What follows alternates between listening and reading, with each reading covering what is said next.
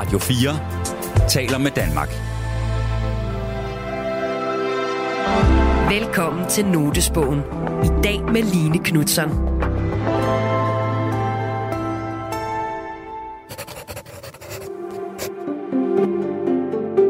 Der findes forskellige slags noter. Der er forskellige grunde til, at jeg tager noter. Notesbøger er personlige og intime, og det vi skriver i dem er ofte ufærdigt og umiddelbart. Ja, når jeg er til prøver og ser øh, gennemspilninger af noget, jeg har været med til, og de noter, jeg tager der, de er meget, meget sære. Der kan bare stå røv, eller han må ikke. Vi har inviteret tre mennesker ind, der har et særligt blik på verden. Mennesker, der betragter vores kultur og omsætter det til værker, tekster og dramatik. Det er journalist Torben Sangel, dramatiker Line Knudsen og forfatter Kasper Kolding Nielsen. Jeg opretter sådan med jævne mellemrum en notesbog, fordi jeg ved, at jeg er i gang med en proces. I dag er det Line Knudsen, der åbner sin notesbog. Jeg opretter også nogle gange en notesbog, fordi jeg kan mærke, at jeg skal undersøge noget. Det er sådan en handling, at nu starter vi forfra. Nu starter der noget nyt. Velkommen til Notesbogen på Radio 4.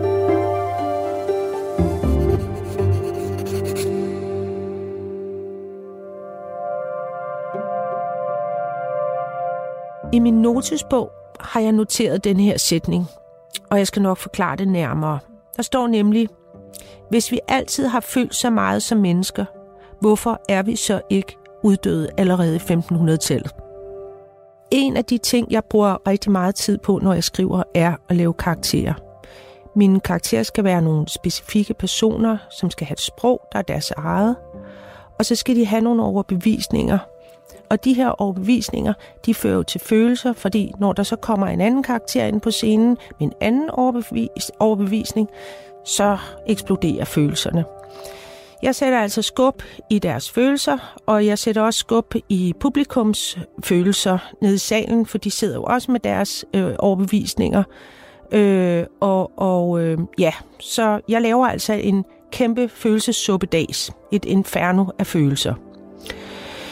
Jeg har de sidste år tænkt rigtig meget over, hvad følelser egentlig er. Jeg tror, at hvis jeg tog alt, hvad jeg har følt i mit liv indtil nu, så vil det kun være mellem 7 og 9 procent, der har været relevant at føle.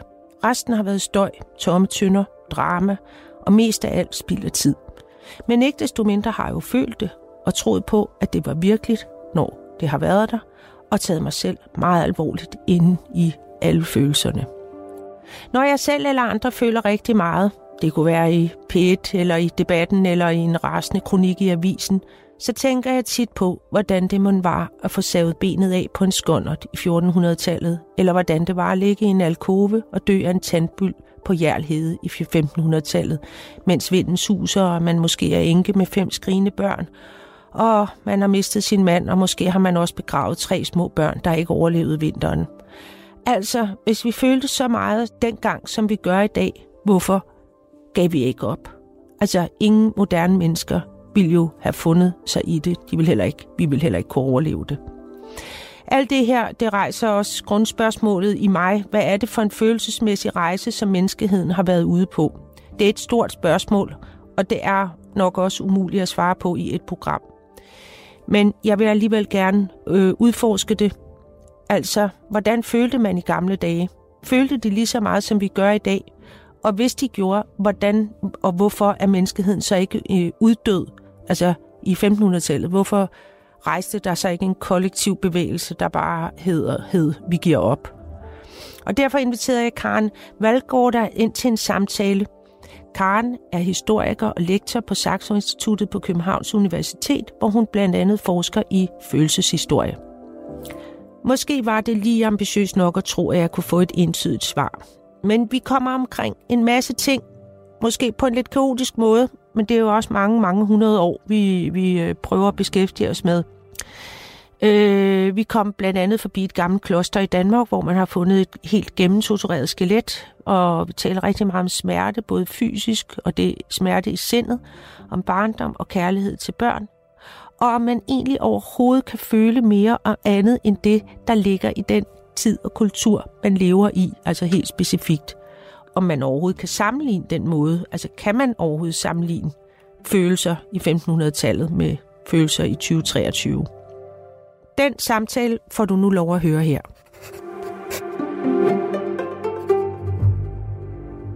Karen Valgårda, tak fordi du vil komme og tale med mig i dag. Kan du ikke lige øh, fortælle mig først, hvad, vil, hvad vil det sige at forske i følelseshistorie? Hvad er det, du har forsket i? Gå gerne i detaljer, men ikke for store, men heller ikke for små.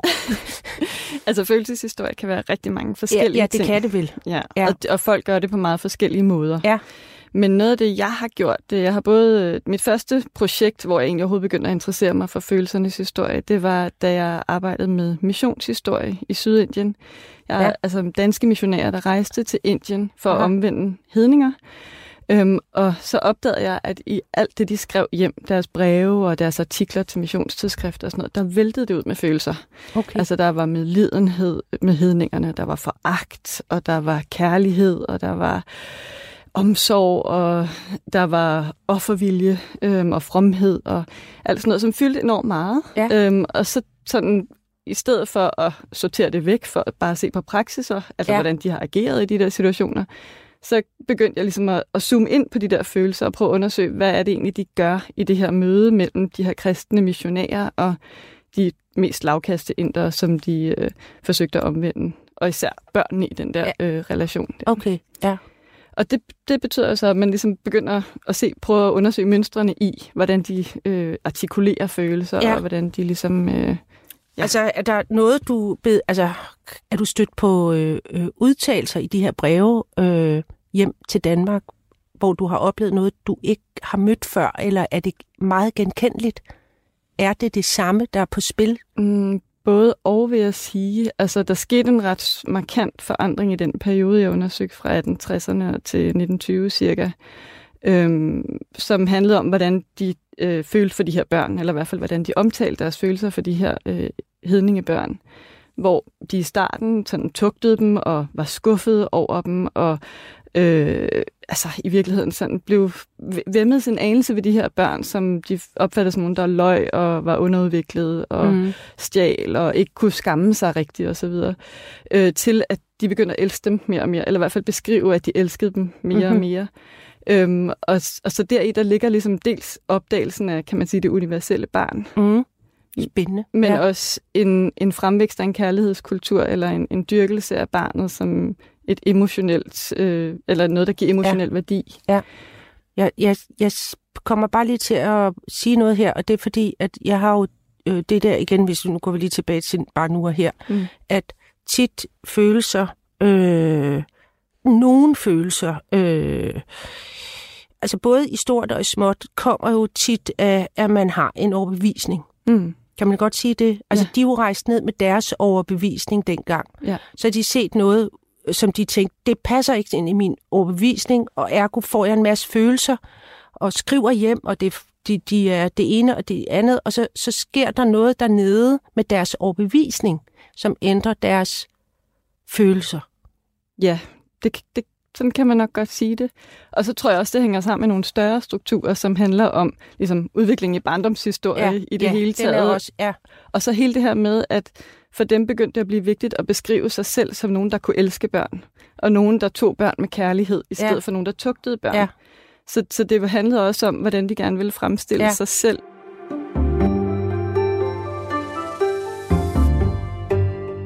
Nu skifter vi lige spor. Mm. Øh, vil jeg komme tilbage til det med børnene og tæv og pryl og sådan noget, som jeg interesserer mig også rigtig meget. Men øh, nu, nu laver jeg lige en intro til min øh, øh, note her, øh, min første note, og det er fordi, jeg har hørt, at der er et kloster, jeg har selv været der, jeg kan simpelthen ikke huske, hvad det hedder, Æbletoft, Æblekloster oppe i Nordsjælland. Der øh, er der nogle skeletter, der er gravet ud, og nede i, øh, i, i en glasmontre, der ligger der en fyr på en 32 år, hvor man har kunnet måle, at han som 19-årig har fået et kæmpe sværslag ind i øh, gravbenet. Altså bare hak, kæmpe slag. Øh, og bagefter, så øh, 10 år efter, kan man måle, så får han næsten armen hugget af, og så to år efter får han kløvet sit hoved med en økse. Jeg, jeg, jeg kan jo slet ikke forstå som moderne menneske, at, at han efter det første store sværslag i kravbenet, blod st- stående ud, og måske en masse vold ved siden af. Altså, jeg vil jo efter sådan en oplevelse være fuldstændig traumatiseret, mm. og bare ligge i fosterstilling og gå til grunden. Så ja, og det til min første note, den er simpelthen, øh, hvorfor er vi ikke døde i lad os for eksempel sige 1500-tallet. Hvorfor, hvorfor, hvordan har vi, hvorfor vi ikke uddøde? Mm. Altså, øh, hvordan, altså, hvordan har vi kunnet holde det ud? Altså, ja. med alt det smerte. Ja. Altså, det er det, det er fysiske smerte. Mm. Hvad, hvad, hvad, ved du noget om det? Altså, hvad, hvad har folk gjort med det hele tiden har gjort for altså, virkelig ondt at leve? Hvad, hvad, ved man noget om, hvad, hvordan folk har ud, udholdt så meget smerte, fysisk smerte? Ja. Jeg tror, du har fuldstændig ret i, at smerte, altså både sult og fysisk ja. smerte, som følger af både vold og mangel ja. og øh, ja, dårlige øh, for eksempel øh, mulighed for at få hjælp, hvis man har tandpine, ja. eller hvad ja. ved jeg, har der fyldt giga meget i menneskers ja. liv, og det har været ulideligt, tror jeg også, meget ja. tiden. Så på den måde er det et, et godt spørgsmål. Men når det er sagt, så tror jeg også, at altså ikke alene smerte og smerteerfaring subjektiv. Ja. Den er også formet af den kultur, vi lever i, og de forventninger, vi har til livet. Mm-hmm. Og det betyder ja. jo så, at, at vokser man op med en forventning om, at det her kommer til at ske, eller ja, jeg kommer til at blive udsat kommer bare til at gøre næs. Ja, ja, det er en del af livet. Ja. Det er også en del af livet, at børn dør. Ja. Øh, og alle de her ting, som... Ja. Altså, at der er nogle helt andre vilkår. Det gør, at på en eller anden måde, vi har en eller anden utrolig overlevelseskraft og vilje, ja. øhm, som, som jeg tænker er, er slået igennem, øh, og som ja. er det, der gør, at, at mennesker på trods af hvad, noget, der ligner altså, ikke leve, levebare liv, ja. hvis man kan sige det, faktisk lever videre. Altså, ja. jeg har det jo sådan, hvis jeg slår mig, så bliver jeg jo lidt forurettet. Ja, ja. Altså, ja. jeg har lyst til at slå døren, ja, ja. ikke? som jeg slår Jamen, mig det er på. et chok at, ja. at slå albuen ind i en dør. Altså, det der Ja. dumme slag, det er chokerende Ja. og, og krænkende på alle Det her mulige det er måder. netop krænkende. Ja, Øhm, og det tænker jeg, at man kan jo godt, øh, altså det kan jo godt have, dels så tror jeg faktisk, at ens forventninger også præger, hvordan det opleves i øjeblikket, den der Ja. ja. smerten, hvor meget den går ind, og hvordan Ja. ja. den går ind. Men den følelses, efterfølgende følelsesmæssige bearbejdning af Ja. det, er jo også formet af det sprog, vi har, de forventninger, vi har, den, ligesom, de udsigter, vi har i det hele Ja. taget. Øhm, så det, det, det gør jo nok, at, at, ja, at man finder en måde at overleve i det på, og så i øvrigt har, den jo ikke, har det jo ikke sådan været sådan, at deres liv kun har været Nej, fyldt af alle nej. slags smerte. Der har jo også formentlig været lyspunkter og kærlighed og ja. ja. forelskelse. Ja, og, jamen ja, men øh, ja, og det kommer vi også frem til.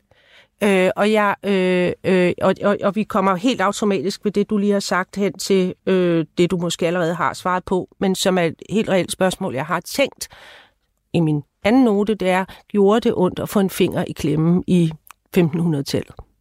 Altså ja, det gjorde Altså det har da. man skrevet af for helvede Ja, det og tror jeg. røvhul og ja, Ja, det ja. tror jeg. Ja. Helt klart.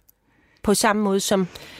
Jeg ved ikke, om man kan sige på samme måde. Jamen, det- øh, altså, det, det tror jeg ikke, man kan. Fordi jeg, jeg tror slet ikke, man kan tænke... Altså, jeg tror, den følelseskultur, der er, eller den kultur, der er i det hele taget, jeg tror ikke, man skal tænke den som sådan fernis, der ligger oven på øh, føl, altså, sanseerfaringerne. Nej. Jeg tror, den griber fuldstændig ind i, hvordan vi oplever noget.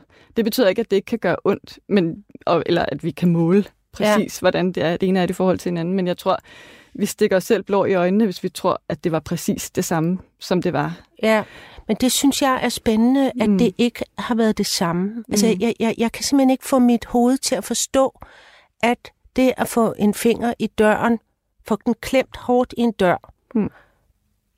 er noget... Altså, fordi du siger faktisk, det har været noget andet. Ja. Og det andet, det vil jeg gerne kunne gå ind i en tidsmaskine og føle. Ja. Altså, hvordan har det været noget andet? Eller vi går længere tilbage, en jægersamler, der mm. Taber en stor sten ned over sine fingre. Mm. Hvad, hvad, hvad har... Hvad er der så for... Hvad, altså, fordi vi, vi er jo det samme, mm. øh, altså kemisk set. Ja, biologisk set. Bio, eller, ja, det nej. hedder biologisk, hedder det selvfølgelig. Øh, så hvordan, hvordan kan vi ikke have følt... Nu knirker stolen, men jeg kan, ja, ja, det, det er... Altså, øhm, på engelsk, der har man jo begrebet sense, Ja. som både betyder sans eller sanserfaring, ja. men det betyder også betydning eller mening. Ja, nå ja, det gør det også. øhm, så ja. det har den der dobbelt betydning. Ja. Og det, tænk, altså, det har vi jo ikke på dansk med sanserfaring. Nej. Øhm, og der tænker jeg, at deri ligger ligesom også et signal om, at den betydning, vi tilskriver en erfaring, ja, eller en sanse, et sanseindtryk, Ja. det også former, hvordan vi faktisk bearbejder det.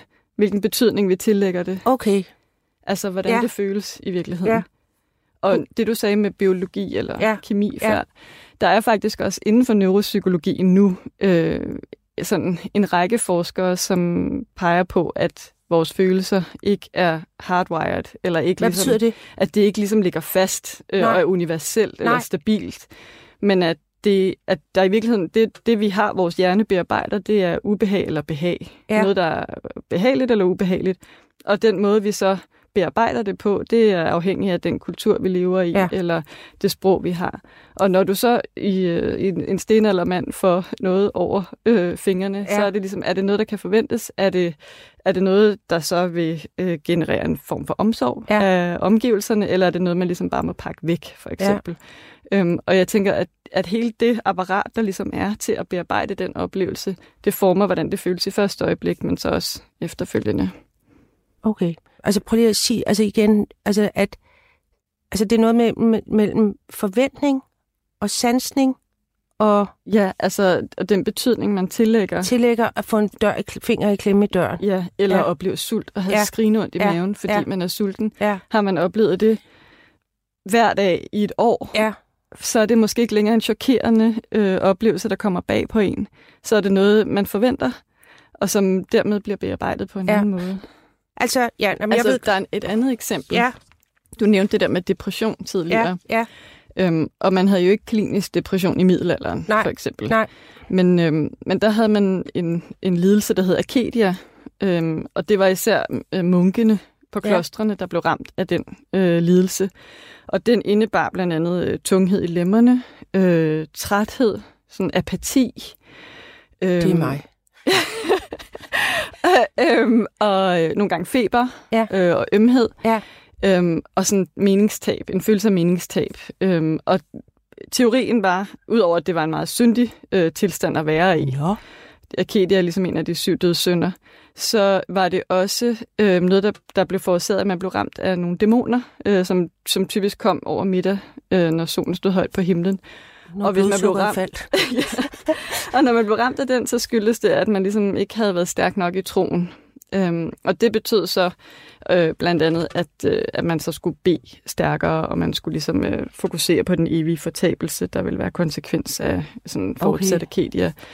Øhm, og det er jo ligesom ikke præcis det samme som Nej, en depression det, i dag. Det, det kunne jo godt ligne lidt, at det også at nogle af dem, der har så blevet ramt af Acadia, Mm. At, at det er nogle også af dem, altså man senere, måske ikke lige denne her tid, men i, ja, bare for 100 år siden og 70 år siden, at dem, der bliver, altså for eksempel går over og bliver kunstnere eller digtere og, og Melankolikerne. melankolikerne, og altså, at det er, at, at, at, at der er nogen der, der har stillet lidt større spørgsmål og er Mm. blevet fortvivlet, Mm. øh, Ja. som så, så har man kaldt det Arcadia og noget, og så videre. Ja. Øh.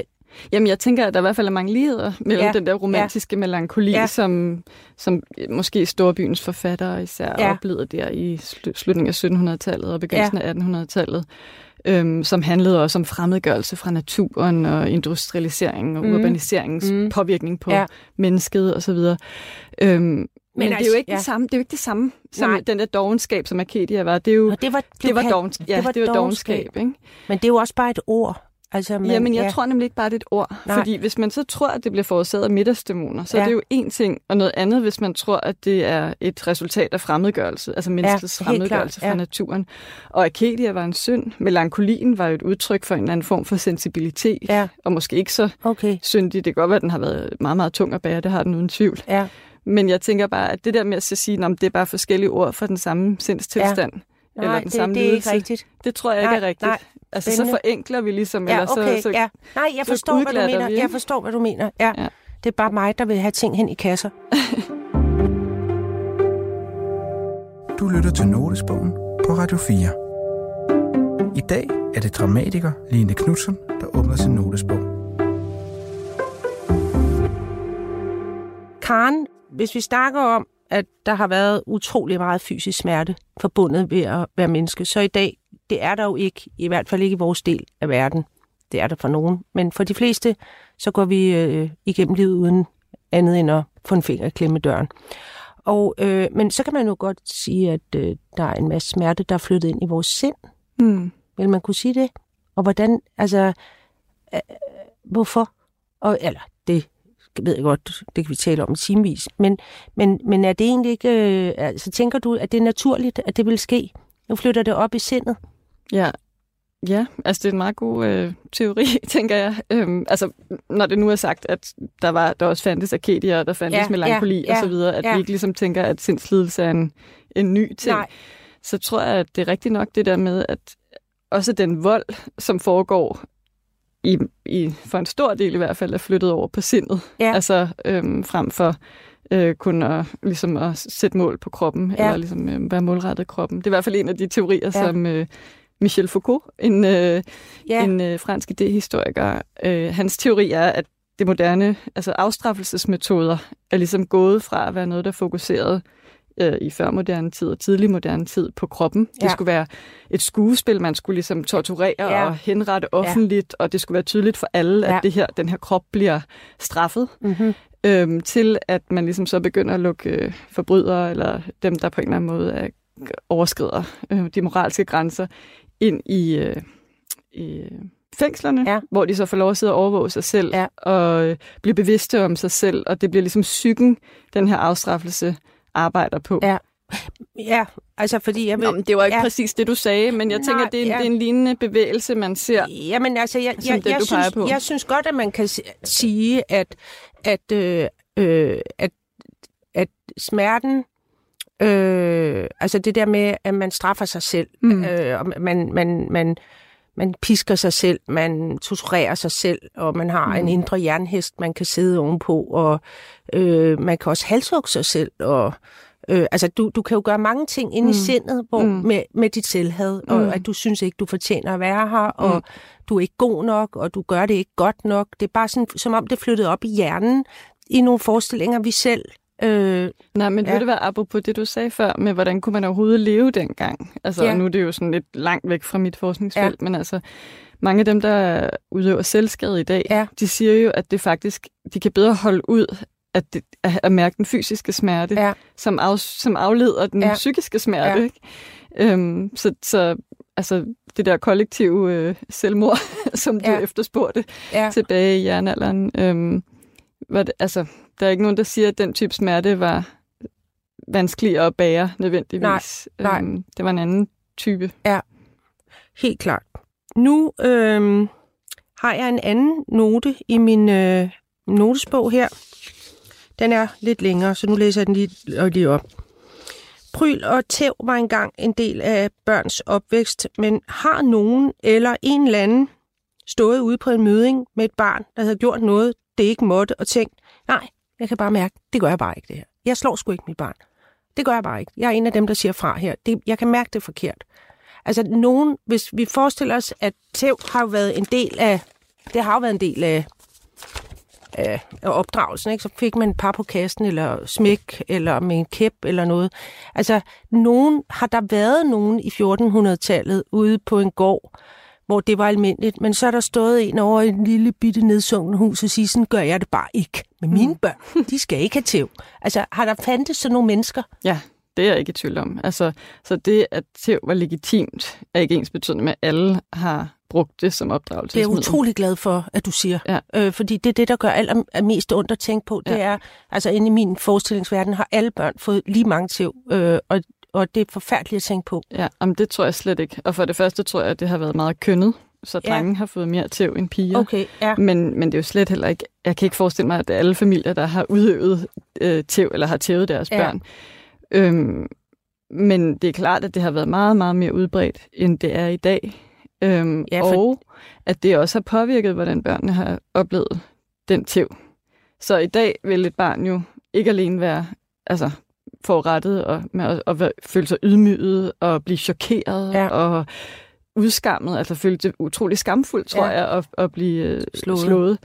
Hvis det er ligesom, igen, det vi talte om før, hvis det er en forventning, man har ja, til... hvis øh, naboens øh, Erik også får tæv, og Nils også får tæv, så, så, så er man ligesom vant til, om det får vi alle sammen. Ja, ja. lige præcis. Ja. Og så er det altså helt sikkert også ydmygende og ubehageligt, men jeg tænker alligevel, at det betyder noget, at man, man ikke opfatter, at ens forældre overskrider en grænse, som de ikke burde have gjort. Ja, Altså man ja. opfatter det som noget, de faktisk bør gøre, Ja. og øhm, har lov til at gøre i hvert Ja. fald. Du lytter til Notesbogen på Radio 4. I dag er det dramatiker Line Knudsen, der udforsker sine noter om følelseslivets historie sammen med historiker Karen Valgårda. Karen, øh, hele det her med, at vi begyndte at tale om vores følelser, altså det, altså og Mm. har et stort og mægtigt stort sprog for, og folk skriver bøger om det, og Mm. altså vi udtrykker hele tiden, hvad vi føler nu om dagen. Mm. Altså hvis vi så lige kigger, hvis vi nu kigger 200 år frem, hvordan tror du så, vil vi kigge her tilbage på os? Og for vil der også sidde nogen i et radiostudie om 200 år og sige, hvorfor gik det ikke til grunden for 200 år siden? Altså, Ja. øh, altså, kunne man forestille sig, at, at vi er et helt tiende sted? Altså, hvad, hvad er efterfølelserne? Ja. Altså, hvis vi nu siger, at vi lever de næste 200 år med at være i vores følelser og øh, øh, udtrykke os igennem det, og, og ting holder op med for godt og gør ondt øh, i kroppen, hvad, hvad er det så det næste? Altså, hvad er der så derude? Det er et virkelig godt spørgsmål. øhm, Hvad er next level? Ja, og kan man ja. overhovedet tale om et, det der med next level? Har vi overhovedet udviklet os? Altså fordi, er det en udvikling? Men det må være, det er jo i hvert fald en eller anden udvikling.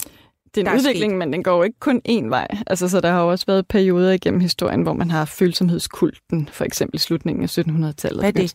Nå, men det var der, hvor kvinderne skulle dåne, og de skulle være... Altså, ja. Der var meget sådan en øh, øh, udtalt sådan følsomhed, og som Ja. blev dyrket på en måde, som Okay, den ikke blev øh, 50 år tidligere, for eksempel. Øhm, men jeg er helt enig altså, med- med dig i, at i dag taler vi jo om følelser hele tiden, Ja. og alle skeletterne skal ud, Ja. og vi skal ikke der er ikke noget, der ligesom Nej. skal lægges låg på, og det er vigtigt, at vi får Ja. talt alle Og igennem. det, ja, Også i X-Factor skal man tale Ja. om, hvordan Ja. man føler. ja, Øh, og altså, der er ikke ret mange steder, hvor, hvor det ligesom ikke Nej. er det, der kommer på bordet. Og, og hvis man ikke gør det, så er man lidt... Nej, og det, og, ja, og, og, der, der, og det er der, jeg synes, det, det er spændende. Jeg har tænkt over, at, at hvis jeg samlet set skulle øh, altså, tage alle de følelser, jeg har haft igennem hele mit liv, så vil jeg synes, at det er kun mellem 7 og 9 procent af dem, der har været relevante. At have. Jamen, det, Hvad mener du med det? Jamen, der har været så meget følelses... Altså, altså jeg føler, fra jeg står op til at gå i seng, og, altså, og det har jeg jo bare gjort hele mit liv. Og her, de sidste par år, der er jeg faktisk begyndt at, øh, og, og, og, i stedet for at tro, jeg er mine følelser, kigge på dem og sige, det er bare noget, jeg føler.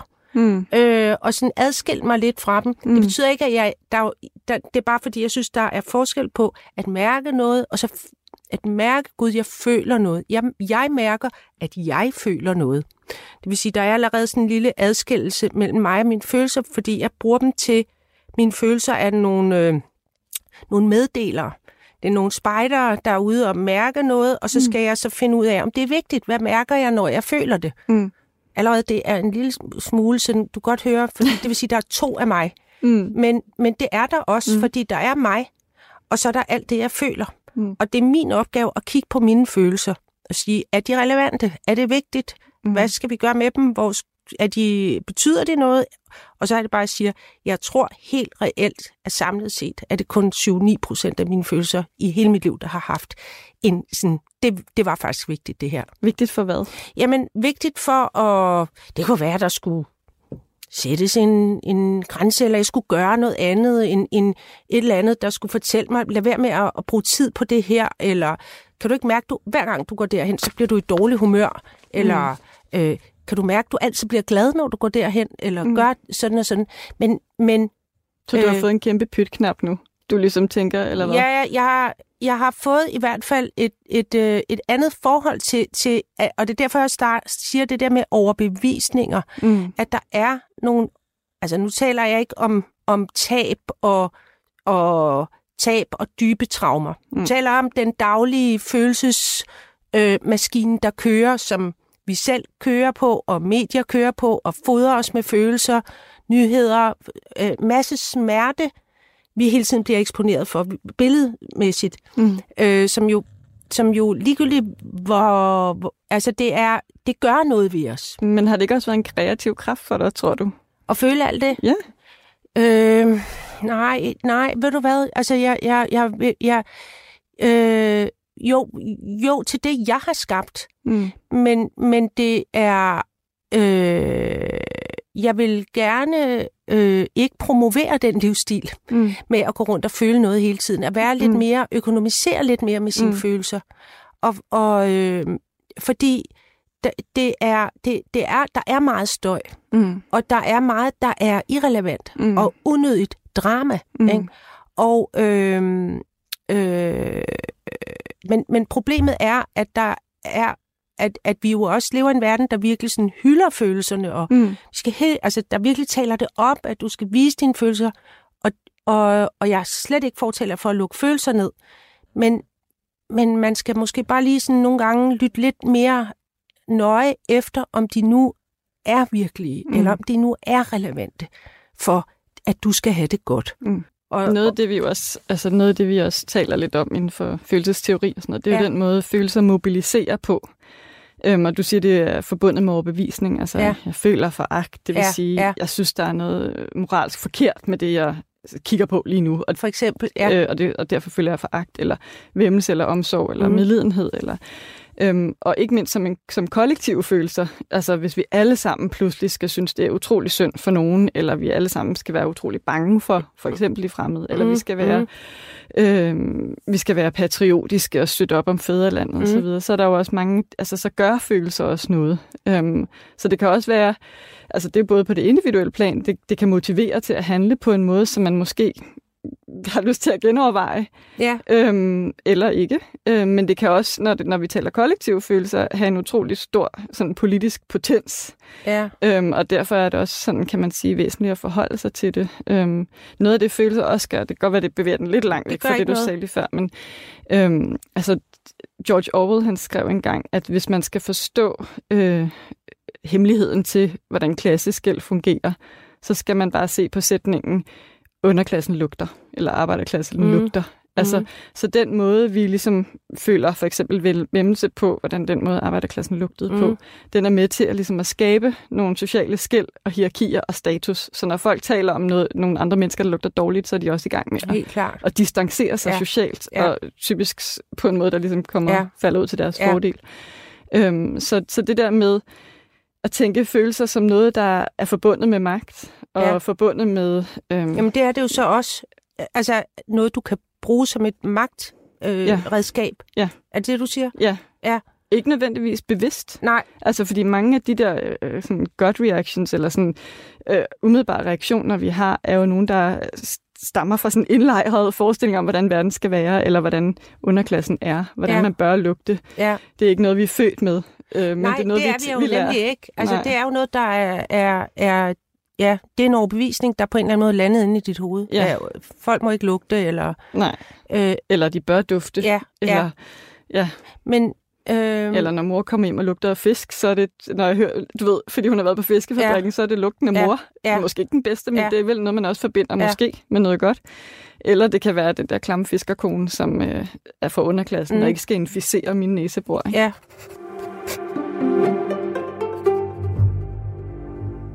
Men spørgsmålet er, hvor kommer det fra? Altså i sin oprindelse? Altså dine overbevisninger om, hvad... Altså, jeg, jeg er jo godt klar over, at mor lugter af fisk, øh, fordi hun arbejder med fisk, så derfor, jeg elsker min mor, så fiskelugt er noget rart for mig, men det er noget ulækkert for nogle andre. Øh, men jeg, det er fordi, jeg lige vil tilbage til det med, mm. med, med hvad, vi, hvad det er med de følelser. Mm. Øh, fordi det er ligesom, det er jo så, altså, når du føler noget lige nu i tiden, så er det, så er det så du, du har ret til din følelse, og din følelse har stor betydning, Mm. og, øh, og er helt legitim. Mm. Og jeg har bare, jeg har sådan en fornemmelse af, at der er, det er ikke noget, jeg ved, men jeg har en fornemmelse, at der er noget bag følelsen. Mm. Et sted, vi kunne stille os som menneskeheden. Mm. Kunne stille sig. Fordi hvis vi nu holdt op med at og med vores overbevisninger, hvis vi nu kun havde én fælles overbevisning. Mm. Alle mennesker havde en, den samme overbevisning, og det er, at øh, som udgangspunkt, så er vi kærlige, så er vi kærlighed, og vi er kærlige mennesker. Det er vi jo. Altså det, er jo, det Mm. kan vi jo påvise ved at kigge på et barn, i det der aldrig nogensinde er født et ondt barn. Der er aldrig født et uperfekt barn. Så vi bliver født fuldstændig i kontakt med det aller, aller dybeste, som er kærlighed. Mm. Og så vokser vi op, og så bliver vi puttet ind med nogle overbevisninger og sådan noget. Og, og jeg, er meget, jeg er meget interesseret i, hvor den bevægelse, øh, øh, jeg vil kalde den den dysfunktionelle øh, ting, begynder at opstå, hvor vi begynder at, at have mening om hinanden, og du er ikke sådan, og du er dum, og du, og du må ikke være her. Og, at, hvornår er det alt det sker? Mm. Og så er det, at jeg synes, der er, er, er, er tit i den store debat om at ændre verden, at vi så, så begynder vi straks at tale politik. Så begynder vi at tale herude Mm. øh, om, øh, hvis vi nu havde en verden, der gjorde sådan og sådan og sådan, så, så, så vil alting blive bedre. Og allerede det tænker jeg, gud, det er, en distraktion. er det ikke en distraktion? Skal vi ikke ind tilbage til os selv og kigge på, hvem vi er? Vi taler tit om samfundet uden for os selv, og det er noget uden for os selv, men det er jo os, der har lavet det. Mm. Og det er ikke, fordi jeg sidder her, øh, øh, så må folk selv tage ansvar og neoliberal eller noget, men det er jo bare et fakta, at det samfund, vi har, som lige nu for eksempel, øh, i, øh, ja, altså vores velfærdsstat, der er ved at blive sådan helt slidt, den er jo slet ikke, den er ikke kærlig, den er ikke omsorgsfuld, altså det er den ikke. Ikke Øh, kun i hvert fald. Nej, der er, den, den er i hvert fald rimelig flosset i kanten, mm. ikke? Og jeg, jeg, jeg tror, jeg bevæger mig ud på et, et, et større rit. Det lyder lidt som, øh, det, altså uden at overhovedet Ja. ja. at være ekspert i Ja. buddhistisk filosofi, ja. så den der, øh, det der ideal, du ligesom sætter frem Ja. om, at man ligesom kan, skal kunne træde et skridt Ja. tilbage og se følelserne flimre forbi Ja. og vælge, hvilke man har lyst Ja, til det at man- tage det- alvorligt ja. og handle på. Det Ja. lyder lidt som sådan en... Øh, Men hvad er der egentlig galt med den filosofi? Jamen, jeg siger ikke, der er noget galt Ja. med den. Jeg synes Men- Men... bare, den er interessant at undersøge Ja. som en måde at gå til verden Ja. på. Øhm, jeg tænker... Jeg men- men... tænker også... Men øh, ved du hvad, altså, fordi jeg kan mærke, sådan, des ældre jeg bliver, des mindre kan jeg deltage i debatten. Mm. Fordi jeg føler, hver gang jeg går ind, så er man, ja, så bra, så bra, så bra, P1, og jeg er så bra. Altså, it, it doesn't work. Altså, Nej. det hjælper jo ikke. Mm. Altså, så jeg, jeg prøver meget at gå ind i mig selv og kigge på mig selv, for så bedre at kunne være sammen med andre. altså, jeg tror, jeg måske vil være lidt skeptisk over for den der med at starte med... Eller selvfølgelig skal man også starte med sig selv, men jeg tror stadig, jeg synes, det er vigtigt at også at turde se på de strukturer, som former, Ja. hvordan vi kan føle, Ja. og hvordan vi... Ja. Altså, så Men, det, men må godt... Oh, men jeg er fuldstændig enig med dig. Mm. Mm. Det, det er slet ikke, fordi jeg er uenig. Men jeg vil alligevel sige, og det er måske ikke til dig, jeg siger det, men til nogle andre, der siger, at det handler kun om strukturer. mm. Det, det handler om strukturer, men hvem har lavet strukturerne? Det har vi lavet. Ja, men det har det lille barn, der blev født jo Nej, ikke. nej. så vi har Nej, jo, ikke, vi har jo nej, men- forskellige ja, muligheder for ja, faktisk at ja. påvirke de strukturer. Så, ja, så de voksne... Men, men jeg tror ikke på, fordi jeg, jeg oplever, når jeg sidder og ser på øh, Christiansborg eller debatten eller sådan noget, så oplever jeg ikke, at der er nogen af de mennesker, som, som er i kontakt med dem selv. Så jeg kan slet ikke se, hvordan, øh, hvordan det nogensinde skulle blive en realitet. Så, jo, så går de ind i Folketinget og siger, vi vil ændre nogle strukturer, men de er strukturerne. De lever strukturerne. Så, så længe du bare lever strukturerne og hele tiden reproducerer strukturerne ved at hele tiden snakke om, at vi må ændre strukturerne, og i virkeligheden holder dem i live, så kan jeg ikke, så det bliver det et endeløst, øh, en endeløs rejse for mig, og derfor siger jeg, gå nu hjem. Gå nu hjem til dig selv, alle mennesker, for der er dejligt inde i dig. Og der er godt og trygt inde i dig. Men, men så, jeg, så man kan sige, det jeg tænker, det er, kan, vil du tro, at man kunne, altså, kan man, kan man, har man set i historien nogen, der stiller sig uden for strukturen? Nej, det tror jeg ikke. Men kan man ikke sige, at den bonde, der står på en møding i 1412, og lige ved at slå øh, sit barn med en pisk, og pludselig får den impuls, nej, det vil jeg ikke. Det gør jeg ikke, selvom de gør det ned ved gadekæret. Er, er det ikke en, en, en sådan en gå hjem til sig selv puls? Impuls? Øh, Altså, jeg tror helt, altså mennesker har jo, forhandler jo hele tiden Ja. om de muligheder, der er, og prøver at, ja, og også følelsesmæssigt ligesom at afsøge nye ja. sådan, mu- altså, muligheder Ja. i tilværelsen. Og mange, både kvinder og mænd og mennesker af andre køn, har Ja. jo udfordret på alle mulige måder det, de har fået overleveret, og det, som ellers ville være naturligt for dem at gøre. Øhm, så man kan man ikke men sige... det betyder ikke, at ja. de har sat uden for strukturen. Nej. Det betyder bare, at den ikke er fuldstændig deterministisk i den forstand, Det- at det- der det- kun har ja, én, ja. én handlemulighed. Ja, så man kan, man, man, man kan godt sige, at et menneske øh, faktisk, selvom det lever i en struktur, i punktvis kan træde ud af strukturen og lave en anden handling. Nej, men jeg Eller tror en- bare ikke, at vi... Det, altså, det lyder lidt som om, der er sådan et fast øh, grid, hvad hedder det? Et, helt, et fast net, som, er, som ligger altså, helt stille, Nej, og som vi så ligesom bare er en prik på. Sådan Nej, er det jo ikke. det forstår Altså, jeg jeg godt. tror, jeg tænker det som noget mere dynamisk. Ja. Men, men vi har ikke ubegrænsede muligheder, og vi kan ikke sætte os fuldstændig uden for de forventninger, som vi ligger i vores Nej. krop, eller Nej. de, de følelses, det sprog, vi har at Ja. udtrykke os med, eller tænke med, eller føle med. Ja. Øhm, så jeg tror, at øh, vi kan klart have en kritisk refleksion, og den Ja. ja. tror jeg, den skal vi ligesom gøre alt for at Ja. ja. værne om, og tænke over, både i forhold til vores eget følelsesliv, Ja. ja. som du foreslår, Ja. og i forhold til, til, hvad vi nu ser i samfundet af uretfærdigheder Ja. ja. og alt muligt, eller en nedslidt velfærdsstat, hvis Ja. ja. det er det, der ligesom er ens Ja. ja. bekymring. Ja. Men, øh, men det er ikke altså, det er ikke det samme, som man kan træde uden for en struktur, fordi så er der ingenting tilbage. Jeg tror ikke på det fuldstændig autonome subjekt. Så, Nej. så tror jeg ikke, man kan hverken føle eller forstå eller erkende. Jeg tror kun, vi kan på de betingelserne af den kultur, vi lever i, det samfund, vi lever i. Ja. Du lytter til Notesbogen på Radio 4. I dag er det dramatiker Line Knudsen, der udforsker sine noter om følelseslivets historie sammen med historiker Karen Valgårda. Nu tager jeg min tredje note, og der har jeg skrevet, øh, hvad med kærligheden? Elskede folk hinanden? Blev man forelsket i 1460? Og har der siddet en jægersamler med navn Claus og sunget Hey Claus, det kører rundt i dit hoved, Claus. har man siddet om lejrbålet i, øh, øh, i, i Gribskov, øh, en lille gruppe jægersamler, og været smask forelsket over bålet skær og spillet på en stenfløjte? Eller hvad? Det tror jeg. Ja, det Tror tror, jeg. Ja, det tror jeg. Jeg tror, man har været forelsket øhm, gennem tiden, eller i hvert fald oplevet noget af det, vi kalder, noget der ligner det, vi kalder forelskelse i dag. Ja. Altså, det er jo først sådan i de senere, eller ja, troubadourerne i 1200-tallet begyndte Ja, det er at- troubadourerne, dem har jeg hørt at om. besynge Ja. øh, forelskelsen Ja. og den romantiske kærlighed Ja. og så videre. Og, men, men jeg tror da klart, at man har oplevet hensættelse og øh, lidenskab Ja. og øh, sådan øh, erotisk besættelse og alt muligt også øh, ja. tilbage i tid. Øhm, altså lang tid før, at vi begyndte at dyrke den romantiske kærlighed. Sådan, som Altså vi, fordi, der, det, er jo, det er jo en nyere ting, det der med en til en og ægte, altså at man er to, er tosomheden, altså det, det, er det ikke en nyere ting?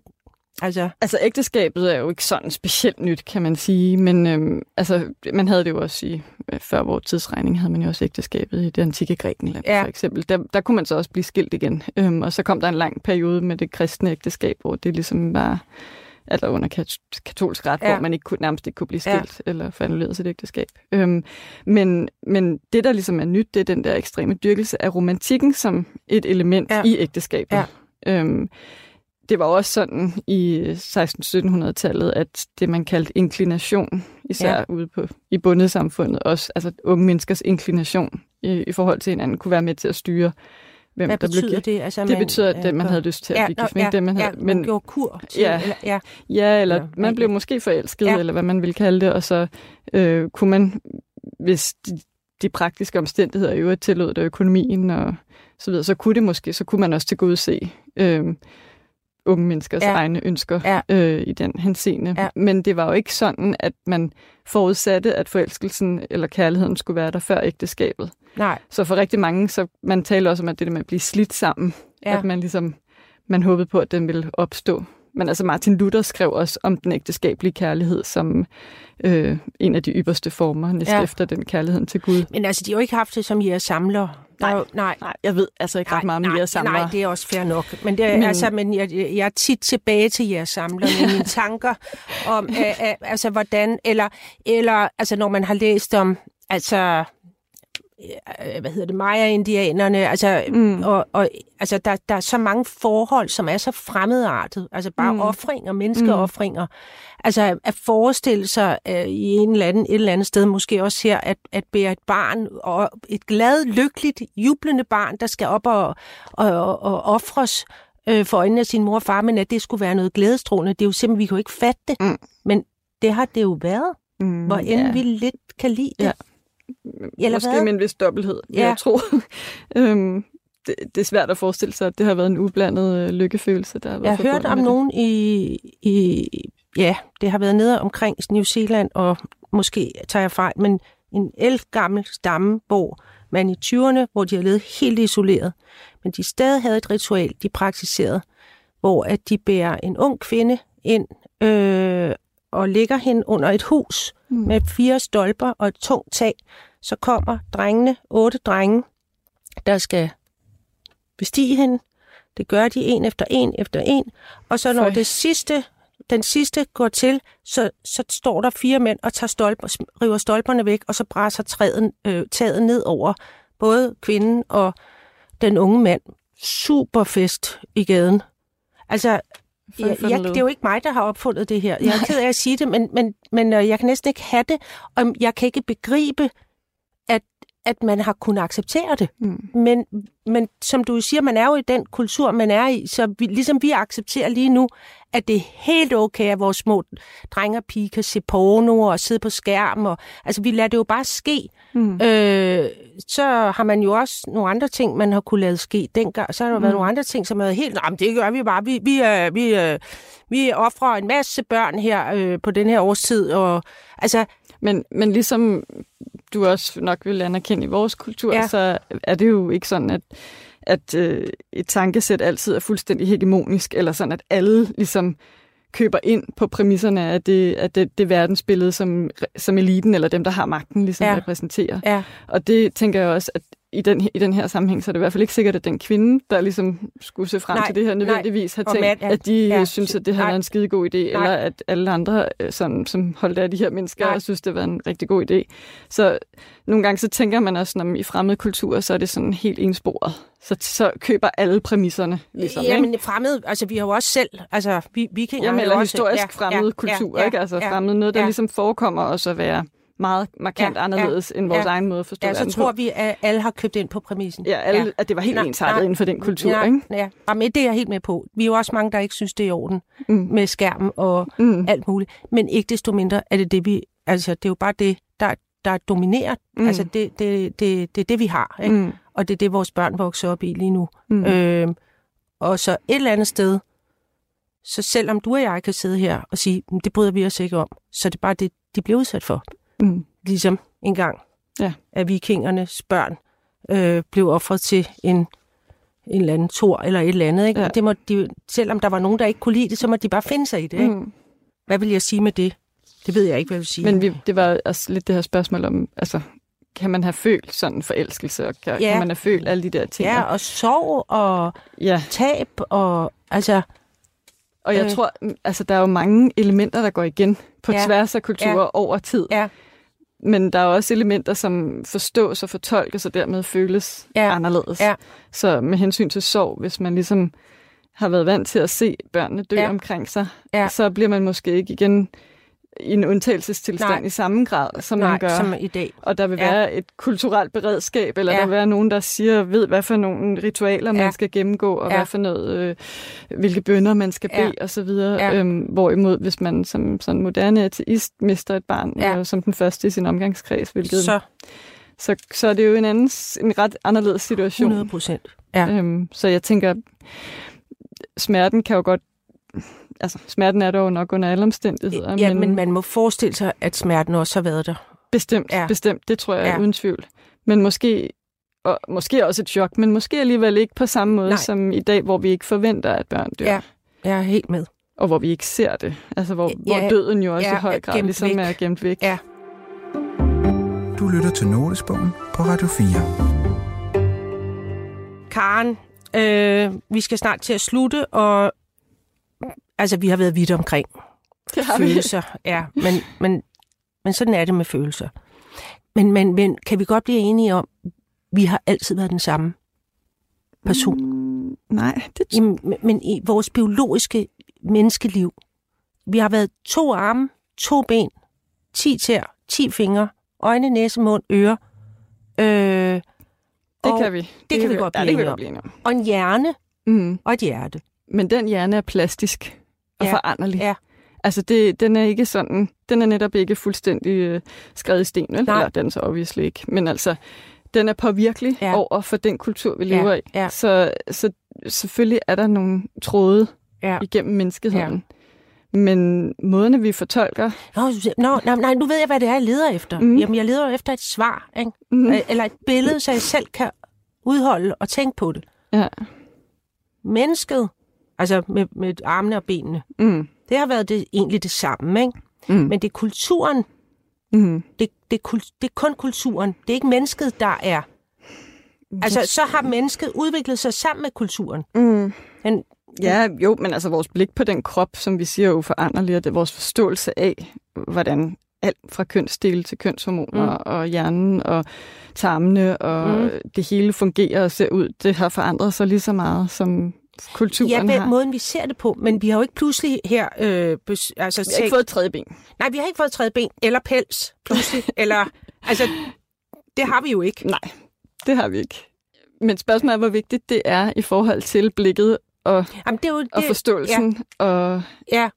Nå, men det er jo bare forskel på at sige, vi har ikke øh, jo fysiologisk udviklet os. nej, Vi har blikket på os selv har udviklet altså bortset fra, at vi er blevet højere og Ja. mere velernæret Ja, og og ved du får hvad? menstruation Ja. tidligere. Og jeg har et, for, et, et faktor, det er det eneste faktor, jeg kan huske, og det er, at i 1700-tallet var en gennemsnitlig franskmand 1,47 høj. Det er jo Men når du går rundt på ude på Frilandsmuseet, så kan Ja. du også se de der korte alkover, ikke? Okay, ja.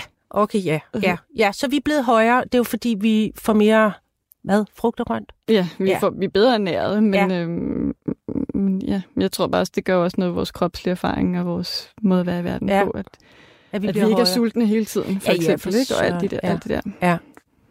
Okay. Ved du hvad, Karen? Øh, jeg er rigtig taknemmelig for, at du vil komme og, og, og fortælle om alt det, du ved noget om.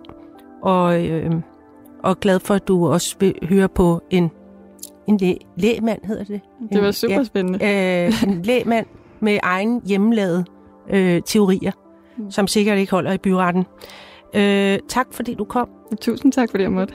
Hej hej. Hej.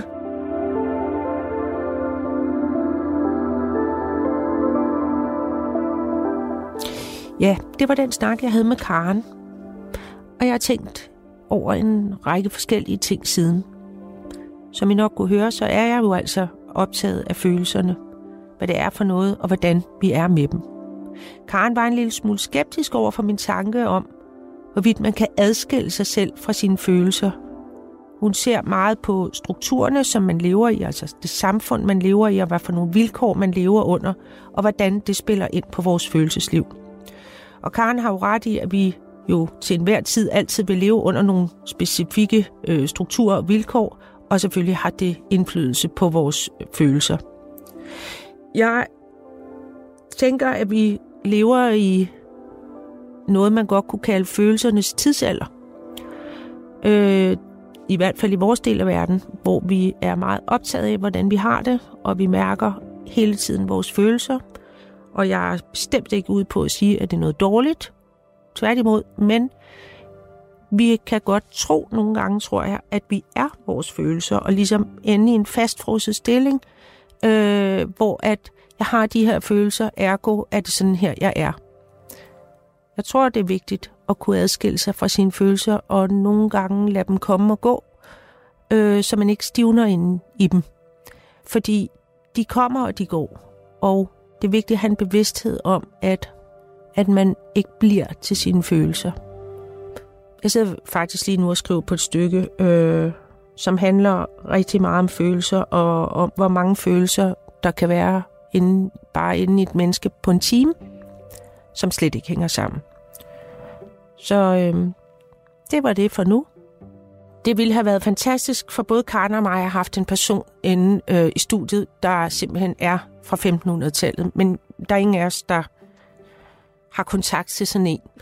Men hvis du kender en, der har levet i Jylland, Jarl Hede, fra 1500-tallet, så må du meget gerne bede ham, hun, om at ringe til mig. For fanden, hvor vil jeg gerne tale med et menneske for 500 år siden. Tak for nu. Du har lyttet til Notesbogen på Radio 4. Og i dag var det dramatiker Line Knudsen og hendes gæst, historiker Karen Valgårda.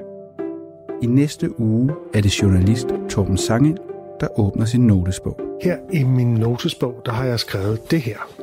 Hvorfor griber nogle sange og melodier ind, mens andre lyder kedelige, som noget, man har hørt mange gange før, eller som ikke kommer en ved? Programmet er produceret for Radio 4 af Munk Studios København. Producer er Anne Lundær Christensen. Redaktører er Rune Born Svarts og Michelle Mølgaard Andersen. Musik var af Emil Johansen, og mit navn er Lauke Hendriksen. Tak fordi du lyttede med.